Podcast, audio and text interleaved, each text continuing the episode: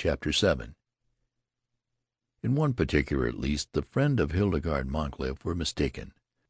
The wholesale hardware business prospered amazingly.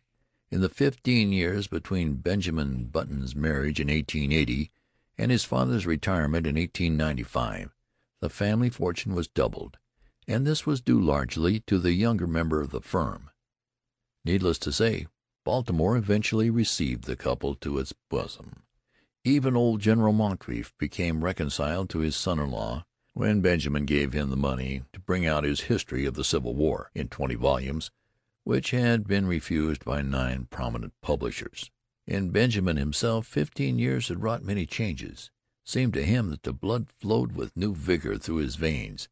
It began to be a pleasure to rise in the morning, to walk with an active step along the busy, sunny street, to work untiringly with his shipments of hammers and his cargoes of nails. It was in 1890 that he executed his famous business coup.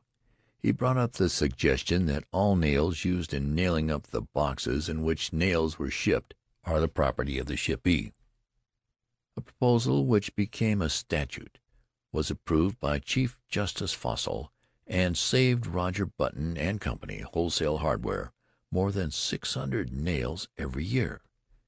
In addition, Benjamin discovered that he was becoming more and more attracted by the gay side of life. It was typical of his growing enthusiasm for pleasure that he was the first man of the city of Baltimore to own and run an automobile. Meeting him on the street, his contemporaries would stare enviously at the picture he made of health and vitality. "He seems to grow younger every year," they would remark, and if old Roger Benjamin, now sixty five years old, had failed at first to give a proper welcome to his son, atoned at last by bestowing on him what amounted to adulation. And here we come to an unpleasant subject which it will be well to pass over as quickly as possible. There was only one thing that worried Benjamin Button. His wife had ceased to attract him. At the time Hildegarde was a woman of thirty five with a son, Roscoe, fourteen years old. In the early days of their marriage Benjamin had worshipped her, but as the years passed her honey colored hair became an unexciting brown. The blue enamel of her eyes assumed the aspect of cheap crockery. Moreover, and most of all, she had become too settled in her ways, too placid, too content, too anemic in her excitements, and too sober in her taste. As a bride, it had been she who had dragged Benjamin to dances and dinners. Now conditions were reversed.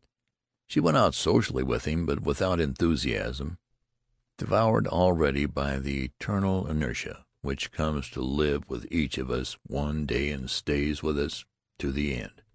Benjamin's discontent waxed stronger. At the outbreak of the Spanish American War in 1898 his home had for him so little charm that he decided to join the army. With his business influence he obtained a commission as captain, and proved so adaptable to the work that he was made a major, and finally a lieutenant colonel just in time to participate in the celebrated charge up San Juan Hill. He was slightly wounded and received a medal. Benjamin had become so attached to the activity and excitement of army life that he regretted to give it up. But his business required attention, so he resigned his commission, came home. He was met at the station by a brass band and escorted to his house.